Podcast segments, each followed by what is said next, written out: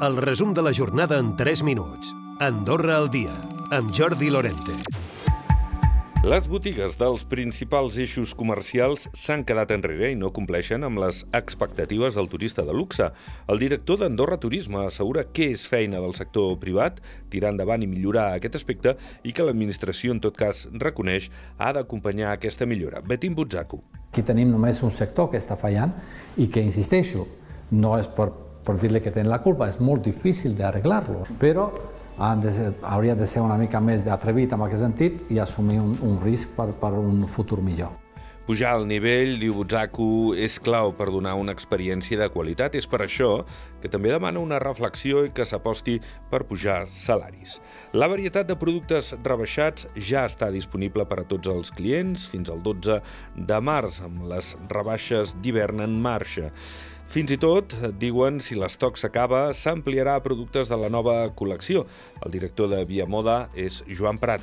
El que fem a les rebaixes generals, que tot l'article que estava en rebaixa privada ja passa a rebaixa general, vol dir que tothom ja pot accedir amb aquest preu i el que anirem fent, doncs, bueno, a mesura que vagin avançant, doncs, els descomptes van augmentant a mesura que va quedant menys producte. No? I llavors bueno, ja es va incorporant el producte de nova col·lecció, que, bueno, que també hi ha l'oferta de tot el producte que va, que va arribant. La nit andorrana ja no és el que era. No hi ha massa interès en muntar negocis d'aquest caire. Els comuns tampoc no ho posen fàcil.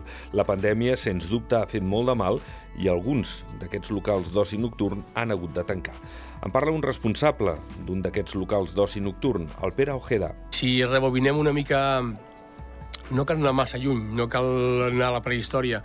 Eh, tirem 10-15 anys enrere, fem un recompte dels locals que han desaparegut per un motiu o per l'altre, perquè l'han tirat al terreny i han construït a sobre, perquè no funcionaven, per lo que sigui.